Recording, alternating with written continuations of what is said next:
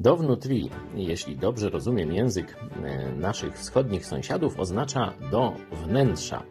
E, I oczywiście no, zaprzeczeniem e, tego jest na zewnątrz. Z takim właśnie hasłem wszedł do naszego studia, dokładnie kiedy zobaczył nasze studio, to z bardzo wielką radością, tak prawie, że no, wykrzyknął, że my w przeciwieństwie do sporej części kościołów Jezusa Chrystusa nie nadajemy, nie głosimy do wewnątrz, tylko na zewnątrz. Telewizja Idź Pod Prąd jest tego no, najlepszym symbolem.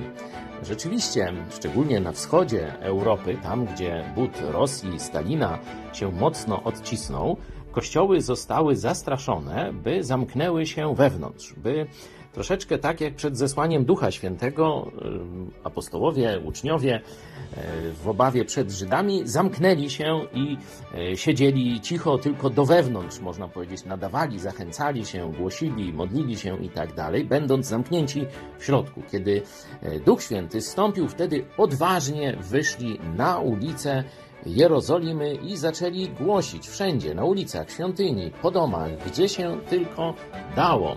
Podobnie przecież Jezus wykorzystywał różne zbiegowiska, wykorzystywał technologię e, na wodzie, na łódce, żeby do większej ilości ludzi dotrzeć, zgromadzenia świątynne i tak dalej, i tak dalej. Apostoł Paweł na targu, na ulicy, na areopagu.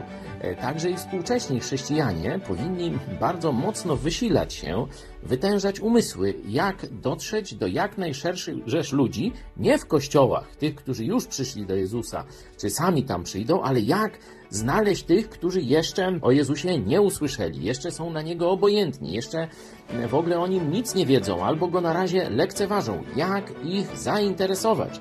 Czyli nie do wewnątrz, ale na zewnątrz ma iść nasz przekaz i tu wszystkie zdobycze techniki, internet, Facebooki, Instagramy, co tam jeszcze kto wymyślił. Oczywiście też telewizja, to co robimy.